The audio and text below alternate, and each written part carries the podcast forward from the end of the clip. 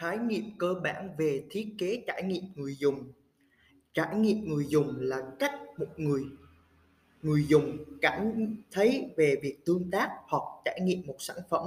Nó có thể là một sản phẩm vật chất, giống như một bộ điều khiển trò chơi, điện tử, hoặc là một túi khoai tây chiên, hoặc một sản phẩm công nghệ như một ứng dụng trang web hoặc đồng hồ thông minh. Để bắt đầu trải nghiệm người dùng là cải thiện khả năng sử dụng và làm cho thứ gì đó dễ sử dụng hơn. Điều này có nghĩa là thiết kế, cấu trúc và mục đích của sản phẩm rõ ràng cho tất cả mọi người.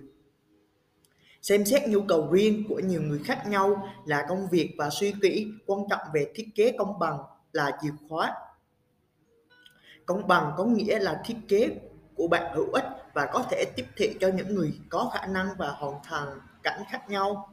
Trải nghiệm người dùng cũng về việc làm cho mọi thứ trở nên thú vị khi sử dụng tạo ra một kết nối tích cực giữa người dùng và sản phẩm.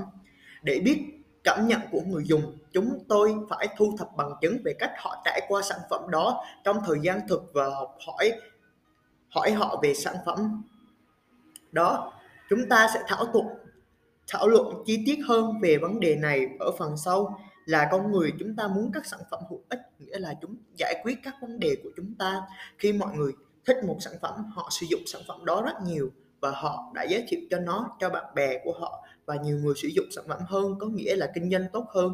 Cho công ty thêm vào đó, khi người dùng có trải nghiệm tốt với sản phẩm, họ có nhiều khả năng quan điểm tích cực về công ty và đã tạo ra nó. Đôi bên cùng có lợi cho người dùng và doanh nghiệp.